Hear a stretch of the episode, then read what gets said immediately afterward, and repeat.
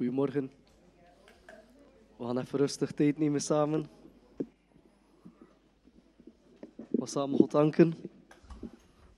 We kunnen samen recht staan voor het eerste lied. Laat het huis gevuld zijn. Laten we samen recht staan.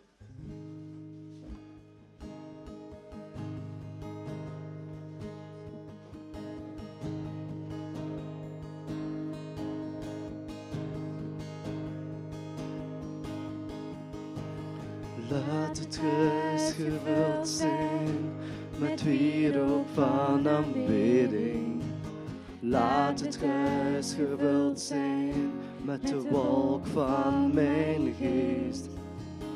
Laat het huis gevuld zijn met het brood van eeuwig leven. Laat het huis gereinigd zijn en schoon. Want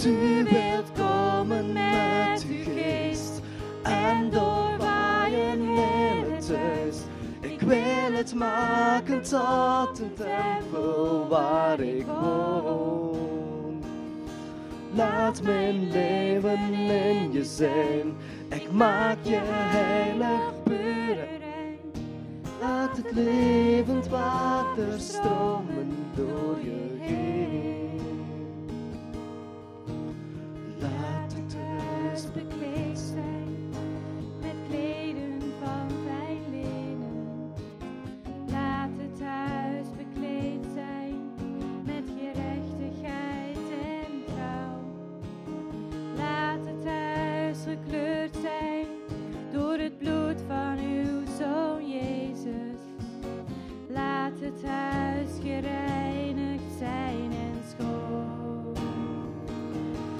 u wilt komen met uw geest en doorwaaien heel het huis.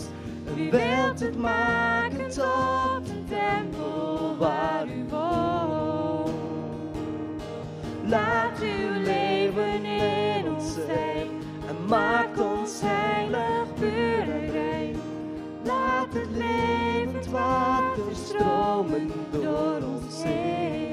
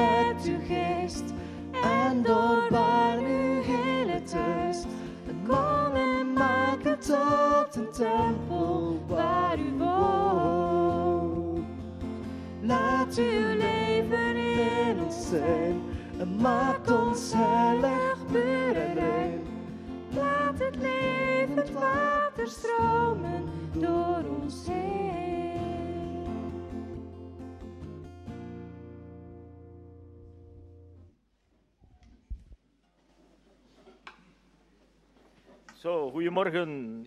Iedereen van harte welkom. Terug in de evangelische gemeente De Pottenbakker. Het bijzonder ook onze gastspreker van vandaag, Arjan. Welkom en zijn vrouw. Mensen uit Oosterhozebeke. En voor de mensen die nog niet zouden weten, het is vandaag Vaderkesdag. En weet je wat mij opviel? Als Moederkesdag is, zeggen de mensen een gezegende of een fijne Moederkesdag. En vandaag heeft er niemand tegen mij gezegd een fijne Vaderkesdag. Vrouwen toch. Misschien hebben... Vaderdag, Jan. Ja, inderdaad. Dank u wel. Misschien hebben de moeders het meer nodig dan de vaders, denk ik. Het zal dat zijn, het zal dat zijn. Zo, maar ik wil beginnen met een psalm voor te lezen. En het programma zit een klein beetje anders in elkaar. Na onze drie liederen hebben we dan normaal gezien het kindermoment. Maar eh, de kinderen gaan mee met juf Nancy en er wordt een filmpje voorgesteld van onze BAVO. Dus zoals jullie weten hebben we tijdens de gemeentevergadering beslist om het werk van Pilunka van BAVO ook te ondersteunen. En uh, onze BAVO wil dat ook dan een voorstellen welk project hij dat allemaal doet. Dus dat wordt na de drie liederen dan getoond. We hebben dan nog de prediking en ook het avondmaal. Maar ik wil beginnen met Psalm 23 voor te lezen. Een zeer gekende psalm. De Heere is mijn herder. Mij ontbreekt niets. Hij doet mij nederliggen in grazige weiden. Hij leidt mij zachtjes naar stille wateren. Hij verkwikt mijn ziel. Hij leidt mij in het spoor van de gerechtigheid, omwille van zijn naam. Al ging ik ook door een dal vol schaduw van de dood, ik zou geen kwaad vrezen, want u bent bij mij. Uw stok en uw staf, die vertroosten mij. U maakt voor mij de tafel gereed voor de ogen van mijn tegenstanders. U zalf mijn hoofd met olie, mijn beker die vloeit over. Ja, goedheid en goedertierendheid zullen mij volgen. Al de dagen van mijn leven. Ik zal in het huis van de Heere verblijven tot in lengte van dagen. Een heel bijzondere psalm en ook een mooie psalm. En ik dacht, ik ga die psalm voorlezen, omdat wij mannen soms veel uit onszelf proberen en zelf dingen doen. En hier staat er zo mooi, mij ontbreekt niets, omdat de Heere mijn herder is. En ik denk dat het voor ons mannen ook vaak zo is dat we moeten leren te vertrouwen op de Heer, dat Hij voor ons zorgt. We hebben vaak de neiging om het allemaal zelf te proberen, maar de Heer zorgt. En telkens opnieuw heb ik in mijn eigen leven mogen ervaren, als ik me tot Jezus wend, dat er inderdaad hulp komt. En ik vond het een hele mooie psalm om voor te lezen. De Heere heeft mij ook rust. Hij verkwikt mijn ziel. In tijden van nood, in tijden van ziekte, mogen we weten, de Heere heeft mij troost, hij geeft mij, hij verkwikt mijn ziel. En op het laatste zegt hij dan, ik zal in het huis van de Heere blijven tot in de lengte van dagen. Dat is de belofte die we krijgen als gelovigen, dat we zekerheid hebben dat we straks voor eeuwig bij Jezus mogen zijn. Zo, ik wil nog deze dienst opdragen in gebed. Dan gaan we drie liederen zingen en dan kunnen we kijken naar het filmpje van Pelunka. Vader, we danken u, Heer, dat wij inderdaad hier met alle vrijmoedigheid en met een blij hart voor uw troon van genade mogen komen. Dat we mogen zingen tot lof en eer van uw naam, Heer. Dat we mogen loven en prijzen, omdat we het in ons hart ervaren welke genade we hebben ontvangen door Jezus onze Heer. Straks zullen we ook het avondmaal vieren, Heer, en we danken u daarom dat we telkens opnieuw mogen beseffen dat niets of, niets, niets of niemand ons kan scheiden van de liefde van Jezus, omdat u het hebt volbracht, Heer. Heer, dank u wel Zegen ook deze dienst. Geef ons ja, inderdaad bemoediging, Heer, door uw woord, door de liederen, omdat we onze ogen mogen richten op u. Halleluja. Jezus is waarlijk opgestaan. Halleluja. Jezus leeft. Halleluja. Hij is mijn redder en hij troost mij en verkwikt mij. Amen.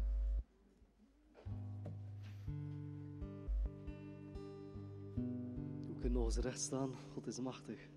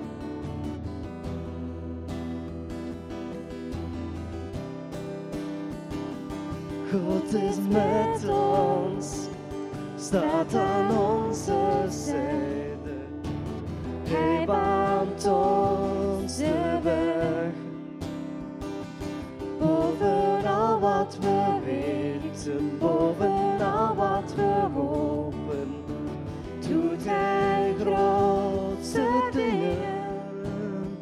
Is verhoogd, overwon hij het graf. Ja, hij leeft, onze God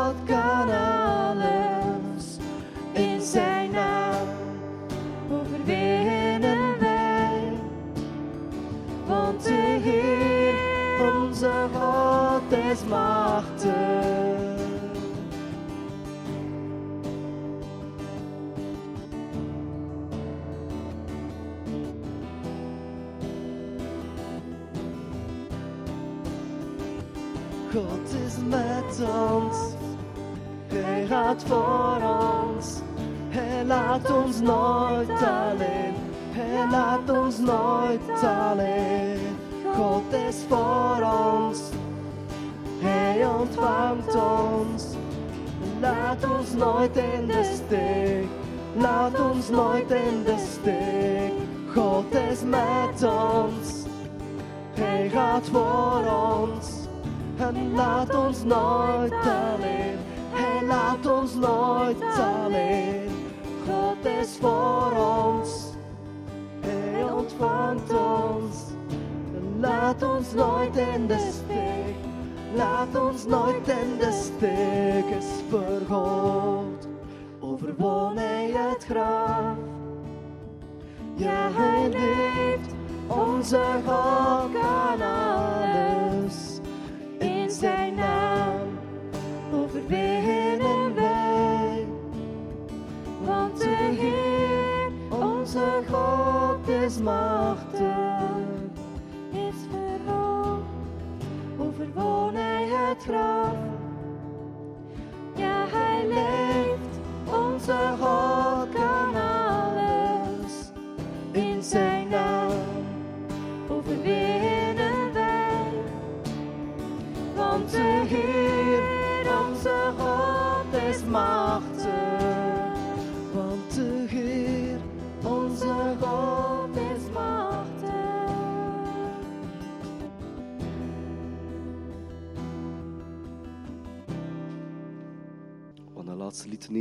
voordat we gaan luisteren naar de boodschap. Upon Him. Dat is lied van de maand dat we een aantal weken al zingen.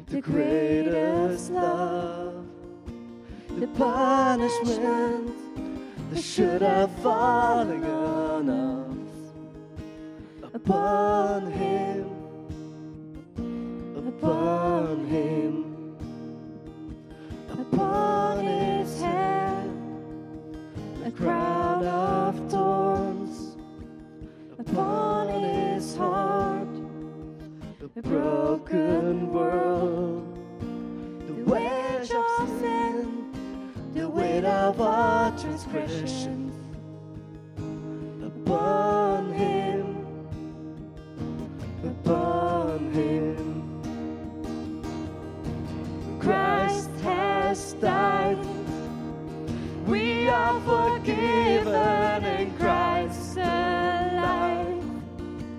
We are the risen and he shall come again. Praise the King. Praise the King. On our hearts, His, His name is written, the King Lord of lords. Pouring out a song of praise together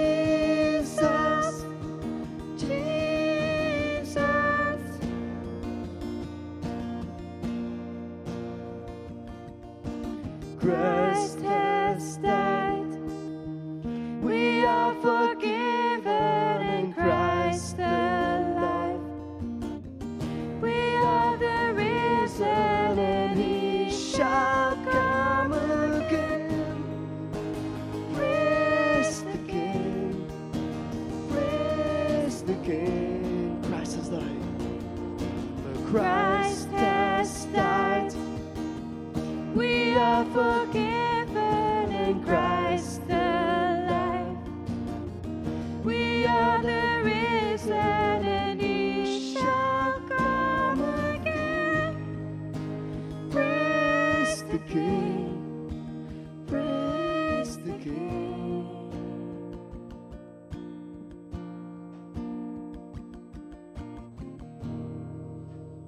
Vader, voor deze mooie dag. Dank u wel dat we hier echt samen kunnen zijn.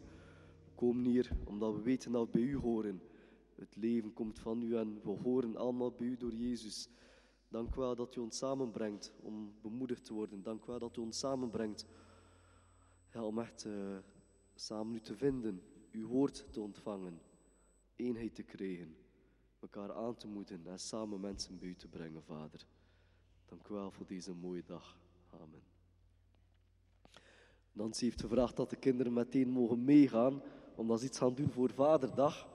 Dus de kindjes mogen meegaan met Nancy. Dus zoals ik had aangekondigd, gaan we nu een kijken van het zendingswerk van onze BAVO. Dus voor de mensen die misschien niet helemaal mee zijn in het verhaal. eh, wij steunen het project van Pelunca. Pelunca is een organisatie die werkt in Roemenië onder de Zigeuners. En de, dus dat is een bestaande eh, organisatie waar we ook al een aantal jaren steun aan verlenen. En onze BAVO heeft verleden jaar beslist om eh, een jaartje mee te draaien. En ondertussen is hij van plan, als het financieel mogelijk is en als God hem daar ook wilt, om, eh, hem daar, ja, om, om daar te blijven. Dat is zijn bedoeling, dat is zijn hartewens om echt in Roemenië te, te kunnen werken. Dus zoals we hadden afgesproken op de gemeentevergaderingen, op de gemeentevergadering, hadden we beslist om ook onze BAVO te steunen. En om toch een klein beetje kennismaking te hebben met zijn werk, heeft hij een filmpje gemaakt om te zien en aan jullie te tonen wat zijn werk daar inhoudt in Roemenië. Dus eh, het is allemaal kleinschalig natuurlijk, het is een begin. Maar eh, we zijn als ouders natuurlijk wel trots dat een van onze kinderen eh, in dat werk gaat. Dus Jetro, u mag dat filmpje starten.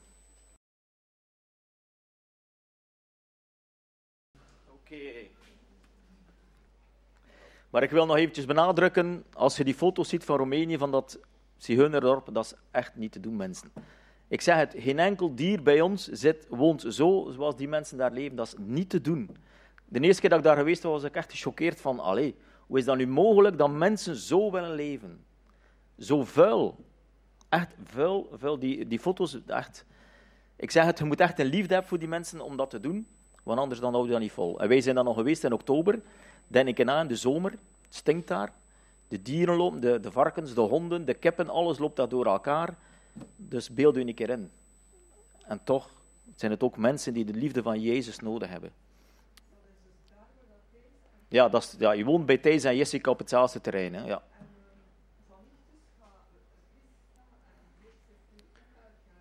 Ja, maar dat is een ander project. Dat is een ander project. Oké, gaan we nog een lied zingen, Thomas? Nee, we gaan geen lied meer zingen. Dus oké. Dan mag ik u uitnodigen, Arjan, voor de prediking. En na de prediking is het het avondmaal. Het is vaderdag, Thomas. Oké. Er is water. Goedemorgen allemaal. Ik hoop dat jullie mij goed kunnen verstaan. Um, ik ben enorm dankbaar. Ik vind het heel speciaal om hier te zijn. Ik kan niet zeggen terug te zijn, want ik ben er bijna nog nooit geweest. Hoger zetten. Zo. Ja. Um, en ja, ik zie bekende gezichten. En gezichten van in de ark nog, zelfs van mijn vakantiejob. Dat zijn allemaal mensen die elk eigenlijk een, ja, mij gevormd hebben, mij, mij hebben laten groeien, um, geïnvesteerd hebben in mij. En ik vind het wel heel erg fijn dat wij nu samen uh, de Bijbel kunnen openslaan en Gods woord kunnen lezen en ja, kunnen leren van Hem. Um, ik wil nog kort de zegen vragen voordat ik daaraan begin. En uh, dan gaan we lezen uit 1 Koningen. Dank u, Heer Jezus, dat we hier samen mogen zijn. Dat we ja, zo rijk gezegend zijn door u. Als we zien hoe mensen in andere plaatsen moeten leven. Um, ja, dan kunnen we alleen maar stil worden en denken van... Goh, ja, u geeft ons zoveel. En um, help ons om het goed te benutten. Om onze tijd ook bovenal goed te benutten. Om, om bezig te zijn met u en meer van u te leren. Dat we ja, steeds meer op u mogen lijken, meer naar u mogen toegroeien. Vraag dat ook voor het komende uur in bijzonder. Amen. Nu, het zal geen uur duren, maar um, ik wil graag lezen uit 1 Koningen. Eerste boek Koningen, en ik ga lezen uit de herziene statenvertaling. En ik dacht dat Jan die ook gebruikte, dus ik was er al blij om dat jullie die ook kennen. Um, 1 Koningen, hoofdstuk 18. En daar wil ik ja, heel dat hoofdstuk doorlezen. Dat is een redelijk lang hoofdstuk, 46 versen. Maar uh, ik wil het verhaal een beetje schetsen. Uh, ik weet niet of u vertrouwd bent met het boek Koningen, over welke tijd dat eigenlijk gaat. Het gaat over de tijd van in Israël, het oude Israël. En ik ga een paar versen lezen tot en met vers 20, 1 tot 20, en dan zal ik een keer samenvatten wat we tot dan eigenlijk al weten. 1 Koningen 18 vanaf vers 1. En het gebeurde na vele dagen dat het woord van de Heere tot Elia kwam, in het derde jaar. Oké, wie is Elia? Elia is een profeet, iemand die namens God spreekt. En de boodschap die hij moet brengen is, hij moet gaan, ga, vertoon je aan Agab, want ik zal regen geven op de aardbodem. Wie was Agab? Agab was op dat moment koning in Israël. Vers 2. Elia ging op weg om zich aan Agab te vertonen. Nu was de honger sterk in Samaria. Er was hongersnood. Vers 3. Agab riep Obadja, de hofmeester. Nu vreesde Obadja de Heere zeer. Het was namelijk gebeurd toen Izebel, de vrouw van Agab, toen Izebel de profeten van de Heere uitroeide, dat Obadja honderd profeten nam en ze per vijftig man in een grot verborg en hen met brood en water onderhield. Agab zei tegen Obadja, ga het land in, naar alle waterbronnen en alle beken. Misschien zullen wij gras vinden, zodat wij de paarden en de muildieren in leven zullen houden en wij geen van de dieren hoeven af te maken. En zij verdeelden het land onder elkaar om er doorheen te trekken. Agab ging alleen de ene kant op en Obadja ging alleen de andere kant op. Toen Obadja onderweg was, zie, Elia kwam hem tegemoet. Hij herkende hem wierp zich met zijn aangezicht ter aarde en zei: Bent u het, mijn heer Elia? Hij zei: Ik ben het. Ga, zeg tegen uw heer: Zie, Elia is hier. Maar hij zei: Wat heb ik gezondigd dat u uw dienaar in de hand van Agab geeft om mij te doden? Zo waar de Heere uw God leeft, er is geen volk of koninkrijk waarheen mijn Heer geen boden heeft gestuurd om u te zoeken. En als zij zeiden, hij is hier niet, dan liet hij dat koninkrijk of dat volk zweren dat zij u niet konden vinden. En nu zegt u, ga, zeg uw Heer, zie, Elia is hier. En mocht het gebeuren dat ik van u zou weggaan en de geest van de Heere u zou opnemen, ik weet niet waarheen, en ik zou komen om Agab de boodschap te brengen, en hij zou u niet vinden, dan zou hij mij doden, terwijl ik, uw dienaar, vanaf mijn jeugd de Heere vrees. Is mijn Heer niet verteld wat ik heb gedaan toen Izebel de profeten van de Heere doodde? Dat ik van de profeten van de Heere honderd man heb verborgen, per vijftig man in een grot, en dat ik die met brood en water onderhouden heb. En nu zegt u, ga zeg uw Heer, zie Elia is hier, hij zou mij doden. Elia zei, zo waar de Heere van de legermachten leeft, voor wiens aangezicht ik sta, voorzeker, vandaag zal ik mij aan hem vertonen. Toen ging Obadja Agab tegemoet en vertelde het hem, en Agab ging Elia tegemoet. Er is al drie jaar droogte, geen regen. Er is hongersnood. En waar is de koning mee bezig? Water voor zijn muildieren en zijn paarden. De koning heeft nog een andere eigenschap, dat hij nogal wra wraakzuchtig is, dat hij vreed is. Want zelfs zijn goede dienaar, Obadja, is niet zeker van zijn leven, want hij weet, ik hoef maar één foutje te maken en het is hier ook met mijn functie, het is hier met mijn leven gedaan. Zo iemand was Agab. En de Heer zegt tegen Elia, kijk, ga naar hem toe en vertoon u aan hem, terwijl hij zeker goed wist, hij zit achter mijn leven. Um, dus dat is een heel grote spanning die we hier al treffen in het begin van het verhaal. En nu komt daar die confrontatie. Elia en Agab zit niet te wachten tot Elia komt, nee, hij gaat hem tegemoet. Vers 17. En het gebeurde toen Agab Elia zag, dat Agab tegen hem zei, bent u degene die Israël in het ongeluk stort? Toen zei hij, ik heb Israël niet in het ongeluk gestort, maar u en het huis van uw vader, doordat u de geboden van de Heere verliet en achter de Baals aangegaan bent. Nu dan, stuur boden, breng heel Israël bijeen bij mij op de berg Karmel, met de 450 profeten van de Baal en de 400 profeten van Asherah, die aan de tafel van Izebel eten. Daarop stuurde Agab boden naar alle Israëlieten en bracht de profeten op de berg Karmel bijeen. Drie jaar hongersnood, zonder regen, en is Agab aan het denken gezet. Ja, ik denk dat hij heel veel nagedacht heeft. Maar heeft hij naar zichzelf gekeken? Denk ik niet. Weet je wie dat de oorzaak is? Elia. Elia zei dat het zou stoppen met regenen en het stopt ook met regenen. Hij is de veroorzaker van al deze miserie. Nee, zegt Elia. Draai het eens om. Wie is ongehoorzaam geweest? Uzelf. Uw voorouders. En als je Koningen leest, is dat geen prettig boek om te lezen. Keer op keer gaat het fout. En was het terecht dat er zo'n erge droogte kwam? Ja, het was zeker terecht. Maar Agab zit in zijn tunnel en die ziet niet in dat hij zelf de oorzaak is. Nee, Elia krijgt de schuld. En dan geeft Elia een opdracht. Breng al de profeten bijeen. Waar? Niet ergens in een kamertje van het paleis. Nee, op de berg Karmel. Ik weet niet of dat Agab dat leuk vond. Eigenlijk zijn ze hier een podium aan het bouwen. Een podium waarvoor, wat zou er gaan gebeuren? Agab heeft geen enkele controle. Hij heeft geen idee wat er gaat gebeuren. Maar hij is niet echt in de positie om eisen te stellen. Hij zal het maar doen. Iedereen moet er zijn. We hebben het gelezen ik zal er zijn, Elia zal er zijn, al die profeten zullen er zijn. Maar, begin van vers 19, breng heel Israël bijeen.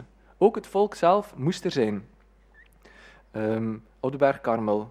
En al de profeten van de afgoden, van de Baal en de Asherah.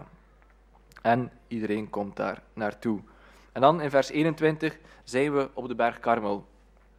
En de berg Karmel, dat was een heel mooie plek. Ik heb dat gegoogeld. Ehm, je kan daar nu wandelingen gaan maken. Als je Israël bezoekt, is dat eigenlijk wel een plek waar je moet passeren.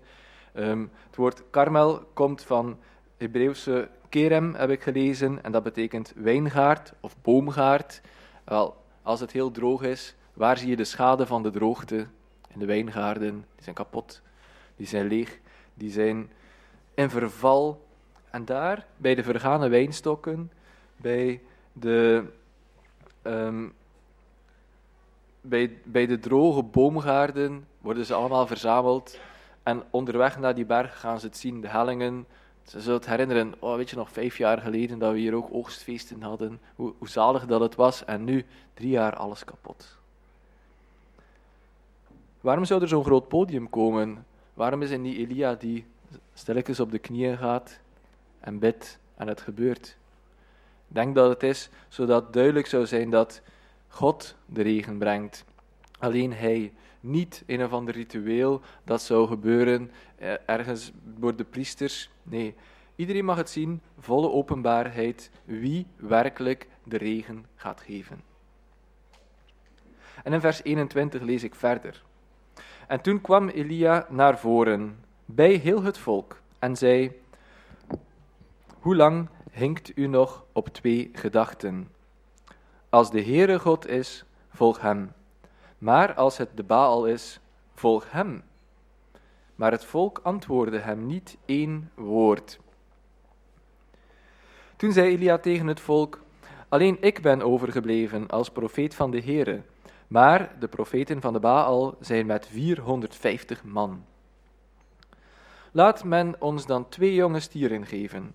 Laten zij voor zich de ene stier kiezen, die in stukken verdelen en op het hout leggen, maar ze mogen er geen vuur bij leggen.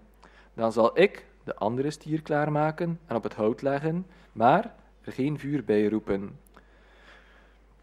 Roept u daarna de naam van uw God aan, dan zal ik de naam van de Heere aanroepen. En de God die door vuur antwoordt, die is goed. God, sorry. En dan komt er wel een antwoord. En het hele volk antwoordde en zei: Dat is goed. Misschien dachten ze van: We gaan het wel zien. Ze waren misschien niet echt zo betrokken. Ze hadden al drie jaar droogte. Ze waren misschien mur. Misschien waren ze een beetje zoals Obadja. Obadja was eigenlijk best dapper geweest.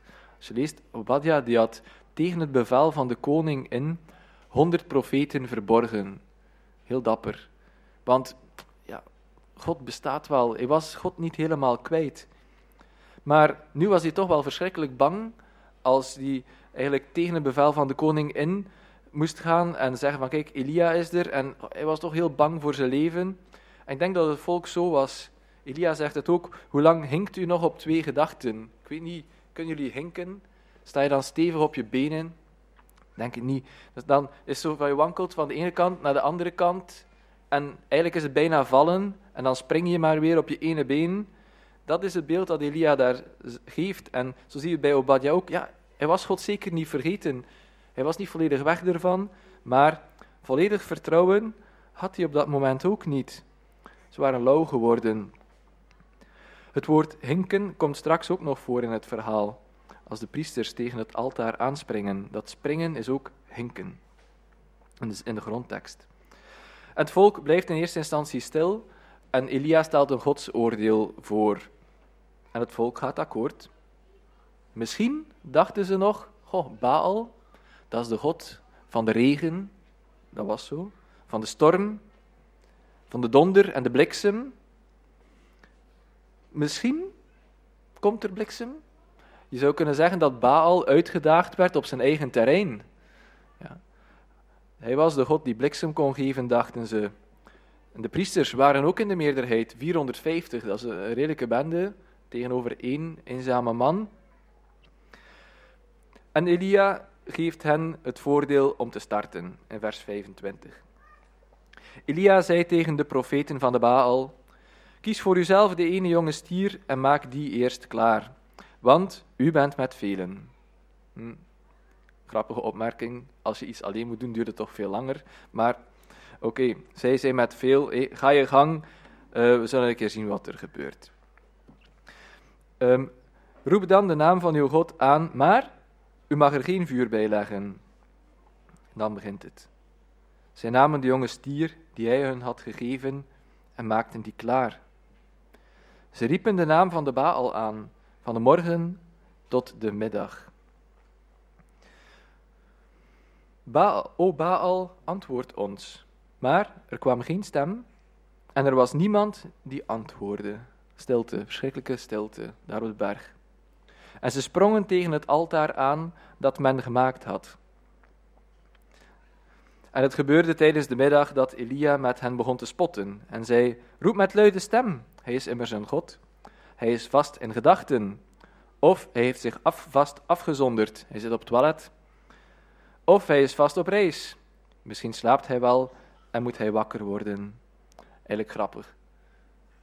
Het woord blijft niet zo grappig. De Bijbel bevat veel verhalen waar ik geen film van wil zien. Ja, dit is eigenlijk ook zo'n verhaal. Dan gaan ze steeds verder, vers 28. Ze riepen met luide stem en kerfden hun lichamen naar hun wijze van doen met zwaarden en speren, totdat het bloed over hen heen stroomde. En het gebeurde, toen de middag voorbij was, dat zij in geestvervoering raakten, tot de tijd van het brengen van het graanoffer. Er kwam geen stem, en er was niemand die antwoordde. Er kwam geen teken van leven. Logisch, ja, wij lezen het achteraf. Drie jaar had Baal niks gedaan. Ze hadden het misschien al eerder geprobeerd. Het staat bij naar hun wijze van doen. Die mensen zagen er waarschijnlijk met littekens uit. Getekend eigenlijk door een afgodendienst. De afgodendienst laat de mensen niet ongetoucheerd achter. Dat, dat is verschrikkelijk. Dat maakt de mensen kapot. En hier heel letterlijk. Ja, heel belangrijk om dat ook wel daarbij stil te staan. Dat is niet iets onschuldigs, zo van baat niet, schaadt niet. Nee, dat brengt schade. En het blijft stil, verschrikkelijke stilte. Wanhoop komt daar bij de mensen, bij die priesters. Die waren nog bezig, maar wat deed het volk ondertussen? Waren zij daar aan het kijken? Dat is geen prettig beeld om te zien natuurlijk. En blijft stil. Net had het volk niet geantwoord, nu antwoordt Baal ook niet. Hij antwoordt niet op het drama van de profeten. Nu is hij wachten op het derde antwoord. Komt er straks wel een antwoord? En het volk staat daar wachtend en ze wachten op vuur uit de hemel. Zijn er hier mensen die graag in de bergen gaan wandelen? Als je in de bergen wandelt en je zit te picknicken, verlang je dan dat er vuur uit de hemel zou komen? Ik denk het niet. Als je daar staat je ziet wolken komen en ziet onweer komen, dan ga je zo snel mogelijk weer naar beneden. Als je uitgenodigd wordt om te komen, of dat er, omdat er vuur uit de hemel zou vallen en je staat een bergtop, op een bergtop, en een beetje verder is het altaar, en er is, het is een, um, een plateau, beeld ik mij zo in. Ik hoop dat het vuur goed mikt, dat het op het offer komt en niet op die andere, op ons, wij die hier ook op ditzelfde niveau zijn. Is een heel groot risico in de bergen. Ehm, misschien dachten ze aan de verhalen die ze kenden van vroeger. Vuur uit de hemel, vuur op een offer. Was dat al een keer gebeurd? Ja, dat was al een keer gebeurd. In Leviticus hoofdstuk 9 kunnen we dat lezen. Um, ik ga dat vers voorlezen uit Leviticus hoofdstuk 9. Het volk stond er toen ook op te kijken. Leviticus hoofdstuk 9, vers 24. Een uh, heel blijde gebeurtenis, indrukwekkende gebeurtenis, waarbij um, Aaron en zijn zonen gewijd worden en dat Aaron dan ook een offer gaat brengen en dan als apotheose, als iets machtigs, lezen we daar in Leviticus 9 vanaf vers 22. Daarna hief Aaron zijn handen op over het volk en zegende hen. Toen kwam hij naar beneden nadat hij het zondoffer, het brandoffer en het dankoffer gebracht had. Vervolgens ging Mozes met Aaron de tent van ontmoeting binnen. En toen zij weer uitkwamen, zegenden zij het volk. En de heerlijkheid van de Heere verscheen aan heel het volk. En dan een vuur ging uit van het aangezicht van de Heere en verteerde het brandoffer en de vetdelen op het altaar. Toen heel het volk dit zag, juichten zij en wierpen zich met het gezicht ter aarde. Heerlijke gebeurtenis, dat gaan ze nooit vergeten. Weet je nog dat we daar stonden en Aaron met dat prachtig kleed en toen met Mozes en dan dat vuur, dat was, oh, ik, ik vergeet dat nooit meer. En ik vertel het aan mijn kinderen en ze hebben het opgeschreven en ze zijn het blijven vertellen. En ik kan mij niet voorstellen dat het volk die daar stond, daar misschien toch ook aan terugdacht. Oei, vuur op een offer, het kan.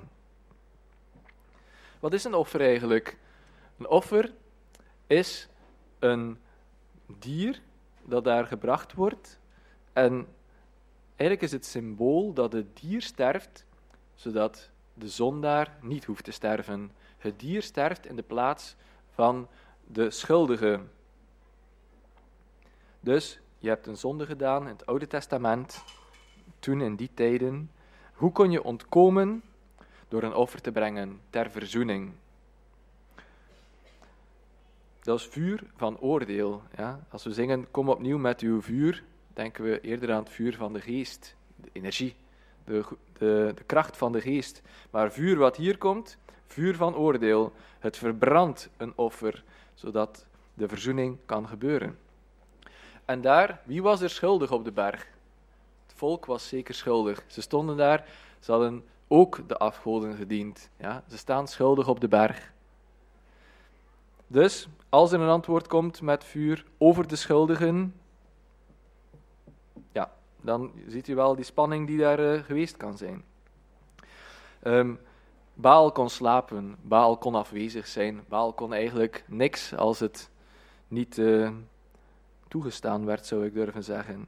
Maar wij kennen Psalm 121, vers 4. Zie, de bewaarder van Israël, de Heere, zal niet sluimeren, hij zal niet slapen. Zo'n God hebben wij. Wij moeten nooit bang zijn als het stil is, dat dat de oorzaak is. Ja? Goed vasthouden. Het volk staat daar, en dat doen we dan ook denken aan de mensen die bij het kruis staan. Kruis van Golgotha. De discipelen staan bij het kruis. Misschien heeft u ook al bij het kruis gestaan. Ik hoop het echt dat u al bij het kruis heeft gestaan. En dat u daar stond en daar dat offer zag. Het kruis was eigenlijk ook een offer. De Jezus hing daar om de schuld van een ander op zich te nemen. Mijn schuld. En als je daar gestaan hebt, net zoals het volk, bewust van de eigen schuld, ziend op een offer wat daar is, en er eigenlijk naast staan en weten, ik had even goed daar aan dat kruis kunnen hangen. Als er een oordeel komt over het offer of over mij, kan het net zo goed op mij komen als op het offer. En eigenlijk op Golgotha is het zo, het moet zeker op mij komen en niet op de Heer Jezus, die daar onschuldig hangt. Ja? Als je daar staat en zo daarvan doordrongen bent, en dan beseft, het is wel op de Heer Jezus gekomen, hij heeft wel mijn schuld gedragen, dan weet je wat dat Golgotha betekent, denk ik. Hoewel dat we altijd meer ervan kunnen zien en leren, maar bewustzijn van schuld en weten, in duister daar heeft God zelf voor mij geleden. En dat duurde lang. Het was lang donker op Golgotha. Een lange tijd om daar misschien over na te denken, om daarbij stil te staan van, wat een verschrikking. Maar nu, we hebben het ook gezongen, zingen we liederen van, kijk, op hem kwam het. En nu zijn we vrij. En eens zal dat volmaakt zijn, dat we dat kunnen beseffen en bij hem kunnen zijn, ook dankzij het offer dat gebracht is. Ik keer terug naar 1 Koningen 18. De stilte wordt doorbroken. Vers 30. Toen zei Elia tegen heel het volk: Kom naar voren. Ze hadden misschien een beetje afstand genomen, ook 450 profeten die daar bezig zijn, sta je niet zo dichtbij. Dus kom naar voren, waar naartoe? Naar hem. Kom naar voren, naar het altaar waar vuur op zal landen. Waar het volk gaat. Het volk kwam naar voren bij hem. Ziet u het voor zich? Zo schuifelend, misschien de eerste rij een beetje geduwd door de mensen achter hen, komen ze steeds dichterbij. En Elia gaat aan het werk. Vervolgens herstelde hij het altaar van de Heere dat omvergehaald was. Elia nam twaalf stenen, overeenkomstig het getal van de stammen van de zonen van Jacob, tot wie het woord van de Heere was gekomen, Israël zal uw naam zijn. Hij bouwde met die stenen het altaar in de naam van de Heere. Vervolgens maakte hij een geul rondom het altaar met een omvang van twee maten zaad. Hij schikte het hout, verdeelde de jonge stier in stukken en legde die op het hout. Toen zei hij: Vul vier kruiken met water en giet het uit over het brandoffer en over het hout. Doen dat. En hij zei: Doe dat voor een tweede maal. En ze deden het voor de tweede maal. Verder zei hij: Doe het voor de derde maal. En zij deden het voor de derde maal. Het water liep rondom het altaar. Ook vulde hij de geul met water. En het gebeurde toen men het graanoffer bracht, dat de profeet Elia naar voren kwam en zei: Heere, God van Abraham, Isaac en Israël, laat het heden bekend worden dat u God bent in Israël en ik uw dienaar, en dat ik al deze dingen overeenkomstig uw woord heb gedaan. Antwoord mij, Heere, antwoord mij, zodat dit volk weet dat u, Heere, de ware God bent, en dat u, dat u hun hart tot inkeer gebracht hebt. Toen viel er vuur van de Heere neer, verteerde het brandoffer, het hout, de stenen en het stof, zelfs het water in de geul likte het op. Voorlopig tot daar. Veel werk voor Elia. Alles opbouwen, twaalf stenen. Als u geschiedenis van de volk Israël kent, is dat ook opmerkelijk. Twaalf stenen volgens het originele voorschrift. Ook al was het volk toen al eigenlijk uit elkaar gegroeid, was er al revolutie geweest. Toch twaalf, de voor God is het nog steeds één volk. En ook water. Wat was er kostbaar? Wat is er altijd kostbaar op een bergtop? Water. Wat was er toen nog meer kostbaar op een bergtop? Water. Maar wat had Elia geleerd? Hij had al geleerd dat het laatste beetje olie, het laatste beetje meel uit de pot, mag allemaal gebruikt worden voor God. Als God het vraagt, dan doet Elia dat. Ook nu. Water erover. En nog meer. En nog meer. En dan nog een keer de geul eromheen extra bijvullen. En dan bidt hij.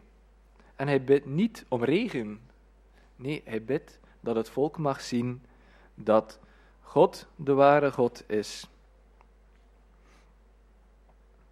En dan komt het antwoord daar: een vuur.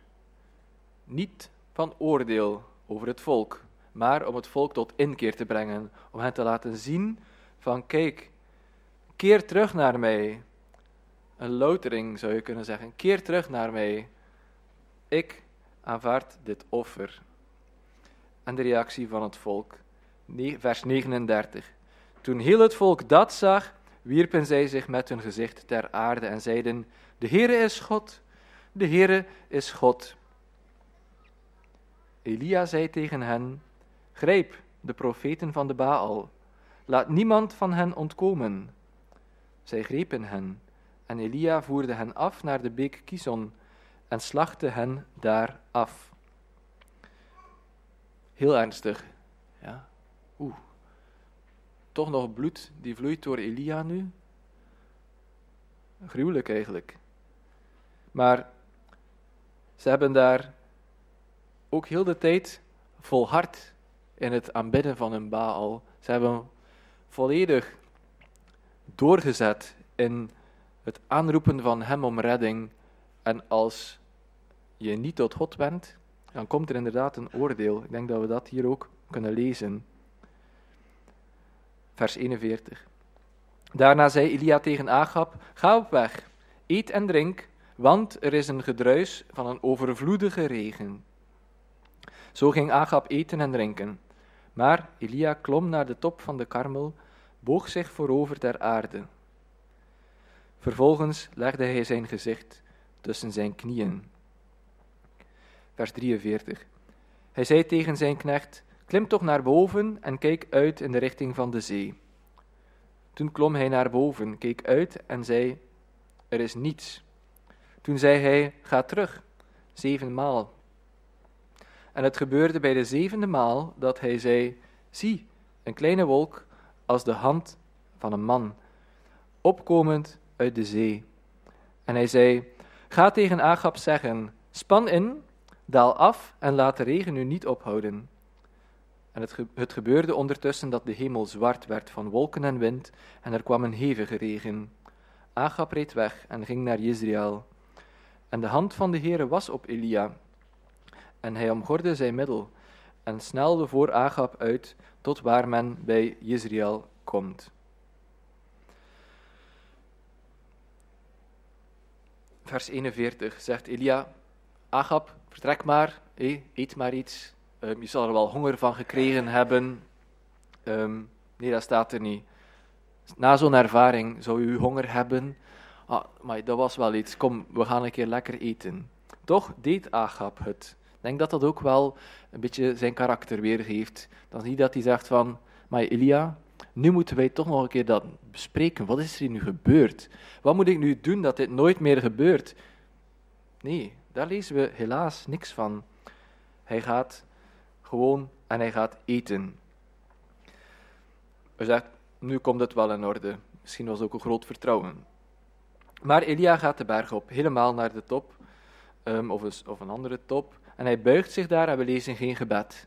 Hij buigt zich neer en misschien bij jullie in de bid stond, soms ook op de knieën of thuis. Meestal is dat dan toch met de ellebogen gesteund. Maar hij legt zijn gezicht tussen zijn knieën. Zeer vernederend. Het was niet van, ik wil niet oneerbiedig zijn, maar dat Elia daar zei van, goed gedaan, hey, uh, team, we hebben het nu wel, uh, wel voor elkaar, hey, en nu uh, zal die regen wel komen. Nee, hij kent zijn plaats tegenover God. Hij weet dat hij volledig afhankelijk is van hem en dat zelfs op dit moment nog steeds de komst van regen volledig in Gods hand is. Volgens de plannen die, die God maakt, die hij, wil, die hij wil volbrengen. En hij vernedert zich. En hij legt zich daar heel nederig neer. En hij vraagt aan zijn knecht: Ga eens kijken. En de knecht komt terug. Niks te zien. Ik denk dat dat voor Elia misschien nog moeilijk geweest moet zijn. Oh, oké. Ehm, ik denk dat God wel regen geeft. Ga nog eens. Nog niet. Tot zeven keer toe. En als je heel Elia leest, heel de geschiedenis, de hoofdstukken ervoor en straks ook nog erna, um, dan is dat een beetje een terugkerend refrein. Waarom, heren? Waarom moet Elia naar de weduwe gaan? Waarom heeft Elia straks zo'n inzinking? Waarom voelt hij zich ineens zo zwak? Waarom duurt het nu zeven, moet hij zeven keer gaan? En ik denk dat dat ook is om, om ons te leren van, kijk, Gods wegen zijn Gods wegen. En dat is het, misschien een van de moeilijkste dingen om als christen mee te leven. En ik denk dat jullie, als jullie langer met de Heer leven, allemaal zulke ervaringen hebben gehad, dat soms gebeuren er dingen die niet te begrijpen zijn. Waarom moest het op die manier gaan? Of waarom gebeurt het zelfs helemaal niet? Ja, dat gebeurt. En ik heb dat ook doorgegeven als notitie in uh, het, uh, het blaadje. Soms duurt het heel lang voor er iets gebeurt. Maar dan is het heel belangrijk dat we, ook als Elia, het lang, maar hij wist zeker, het vuur is uit de hemel gekomen, het offer is verteerd. En voor ons wil ik dat ook nu als slot meegeven aan jullie. Misschien bent u zelf aan het bidden voor iets, of in uw eigen leven heeft u ook dingen dat u denkt, het duurt lang, het is moeilijk. Ja? En dan wil ik u aanmoedigen om te denken aan Golgotha ook. Het offer is waarlijk aanvaard. We leven waarlijk vrij. We leven waarlijk met God. En als het lang duurt, klamp u daaraan vast en weet dat het op Gods tijd zal komen. Amen.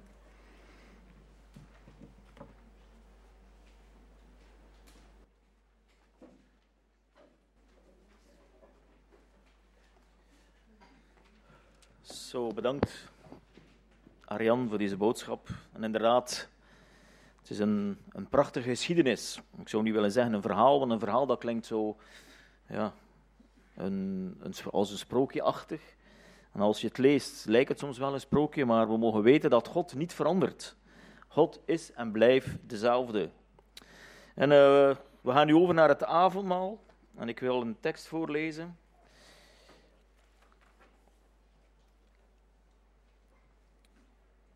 Namelijk in 1 Johannes 4 vanaf vers 9 tot 10. Hierin is de liefde van God aan ons geopenbaard, dat God zijn enige geboren zoon in de wereld gezonden heeft, omdat wij zouden leven door hem. En hier is de liefde. Niet dat wij God liefgehad hebben, maar dat Hij ons heeft liefgehad en zijn Zoon zond als verzoening voor onze zonden. Als we het avondmaal vieren, dan herdenken we inderdaad de dood van de Heer Jezus die voor ons aan het kruis is gegaan, zoals we hebben mogen horen van Arjan, het, van het offer. En wat er zo mooi staat hier, dat Johannes schrijft, de liefde van God is dat wij niet eerst lief God hebben lief gehad, maar dat Hij ons heeft gezocht. Hij heeft ons eerst lief gehad. En dat Hij daarvoor zijn Zoon heeft gezonden voor alle mensen die willen geloven. En dat vieren we straks met het avondmaal. Maar misschien kunnen we eerst een tijd houden van gebed om ons klaar te maken en echt te danken. En ik zeg nogmaals, soms staan we er te weinig bij stil, wat dat betekent dat Jezus voor ons aan, aan het kruis is gegaan voor onze zonden. Omdat Hij ons lief heeft. Omdat Hij een vader is voor ons allen. En daarbij aansluit het aan de preek, omdat we weten, het klinkt allemaal heel normaal, wie God is. De Almachtige, zoals Hij het offer van eh, Elia of van Baal verslond, van het vuur uit de hemel. Zo is onze God, een almachtige God. En die God heeft ons lief gehad, doordat Hij zijn Zoon heeft gezonden, omdat wij, die in Hem geloven, zouden mogen leven. Misschien kunnen we eerst een tijd van gebed houden.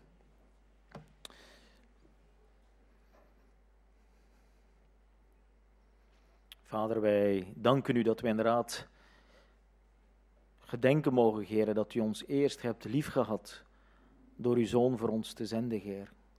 Doordat wie in Hem gelooft, geen zonde meer heeft, geen zonde kent, want we zijn nieuw, een nieuwe schepping, een nieuw leven. We danken u, Heer Jezus, dat u dat hebt volbracht op Golgotha. Heer, en laat het ook ons elke dag opnieuw beseffen wat dat betekent. Een God die almachtig is, die zijn zoon zond voor ons mensen te redden. Heer, vergeef het hun dat er zoveel in u afwijzen en niet wel geloven.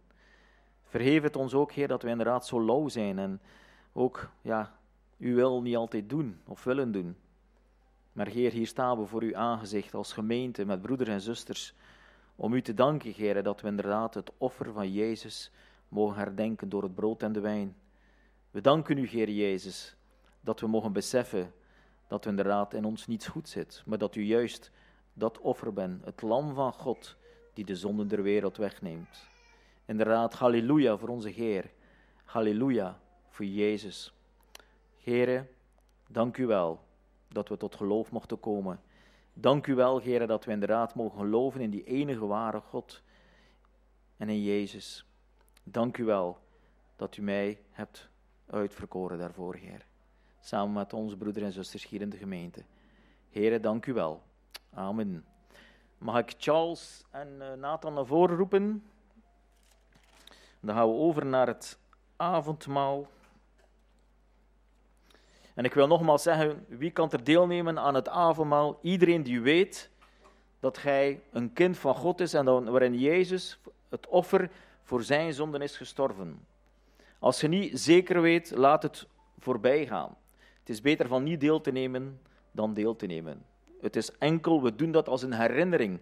We herinneren ons eraan dat Jezus, zoals ik heb aangehaald, ons lief geeft. En dat we door Hem eeuwig leven hebben. En dan staat er nog bij, deze dingen, zegt Johannes tegen zijn hoorders of lezers, deze dingen heb ik geschreven aan u, die gelooft in de naam van de Zoon van God, omdat u weet dat u het eeuwige leven hebt en omdat u gelooft in de naam van de Zoon van God. Die dingen zijn geschreven omdat we zouden weten dat we eeuwig leven hebben. In deze wereld waarin we leven, waar we zo vaak gefocust zijn op de dingen van onszelf en de wereld, en waarin God dan een beetje weggeduwd wordt.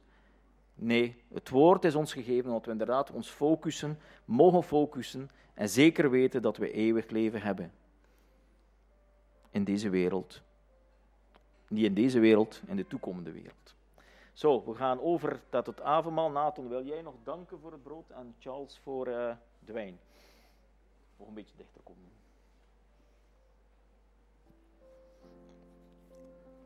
Maar toen is Christus verschenen, de hoge priester van de toekomstige heilsgoederen. Hij is door de meerdere en meer volmaakte tabernakel gegaan, die niet met handen is gemaakt. Dat is, niet, niet, dat is die niet van deze schepping. Hij is niet door bloed van bokken en kalveren, maar door zijn eigen bloed eens en voor altijd binnengegaan in het heiligdom en heeft daardoor een eeuwige verlossing teweeggebracht.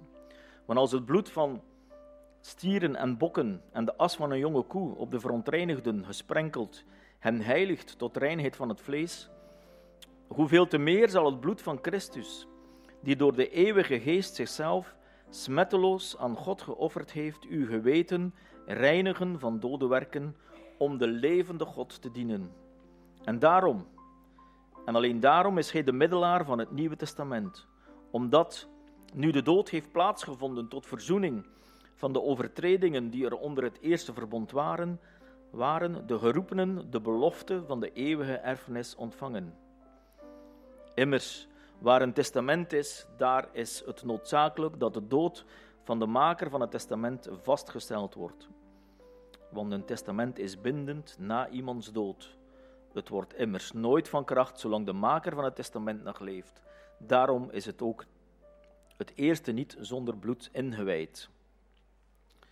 Want nadat elk gebod overeenkomstig de wet van heel het volk door Mozes meegedeeld was, nam hij het bloed van kalveren en van bokken met water en scharlaken, wol en hyssop en besprenkelde het boek zelf en heel het volk. Terwijl hij zei, dit is, dit is het bloed van het verbond.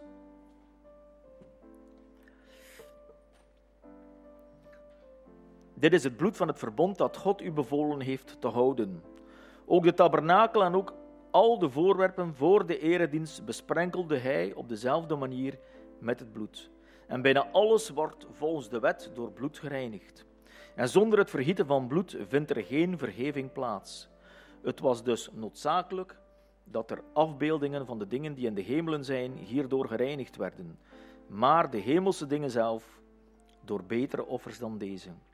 Want Christus is niet binnengegaan in het heiligdom dat met handen gemaakt is en dat een tegenbeeld is van het ware, maar in de hemel zelf, om nu voor het aangezicht van God te verschijnen voor ons.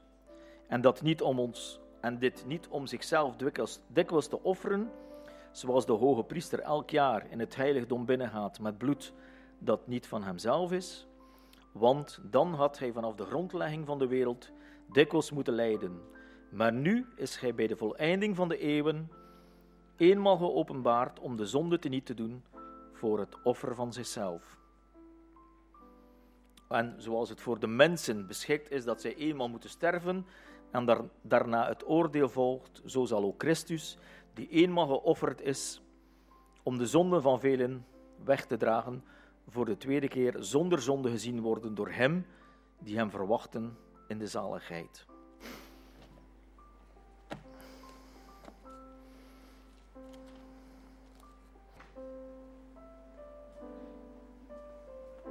Goed teken dat er tekort zijn. Dus blijkbaar zijn er meer mensen dan verwacht. En de kinderen staan ook ongeduldig te wachten dus ik denk dat we kunnen zeggen dat we gaan afronden. Dat Jezus zegt: Dit is mijn bloed dat voor u vergoten wordt tot vergeving van zonden. Jan die dacht al dat wij de papa's vergeten waren, maar dat was niet waar, hè?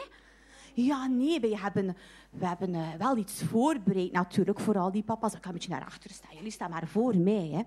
Want uh, wij weten, papa's die aperitieven wel een keer graag. Nee? Of wel? Ja, wel. Dus we hebben gezorgd voor een aperitiefje voor de papa's. En het was ook een lesje zelfbeheersing. Want natuurlijk moesten, moesten zij daar de hele tijd van blijven. Dat er nog wel overbleef voor de papa's. Dus ik vind wel dat ze dat heel dapper hebben gedaan. Maar er zijn hier ook een paar kindjes die iets willen zeggen aan de papa? Wie gaat er beginnen? Mijn papa is altijd lief voor mij. Hij zorgt voor mij, hij houdt van mij en Jezus houdt ook van mij.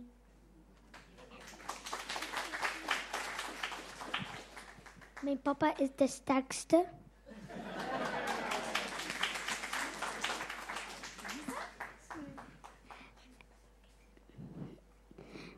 Beste papa, je, je,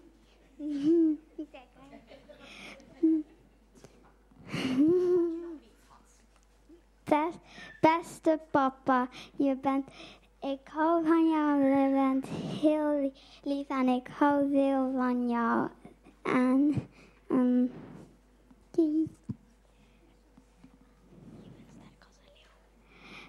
best, best, Dankjewel. Was er nog iemand die iets wil zeggen aan papa? Nee. nee. Um, we hebben natuurlijk niet onze papa hier. We hebben ook onze papa in de hemel. Ik stel voor dat we nog eens ons liedje van de maand zingen. Zodat we ook zijn naam groot kunnen dansen en zingen voor hem en zijn naam groot kunnen maken. Zijn jullie daar klaar voor? Ja? Oké. Kom, laat ons zingen vandaag. We samen recht staan, hè?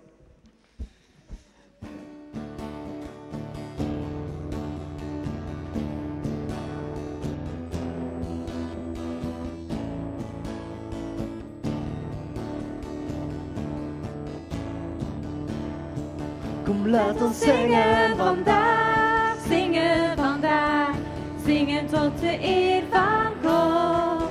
Kom, laat ons zingen vandaag, zingen vandaag, zingen tot de eer van God. Kom, laat ons klappen vandaag, klappen vandaag, klappen tot de eer van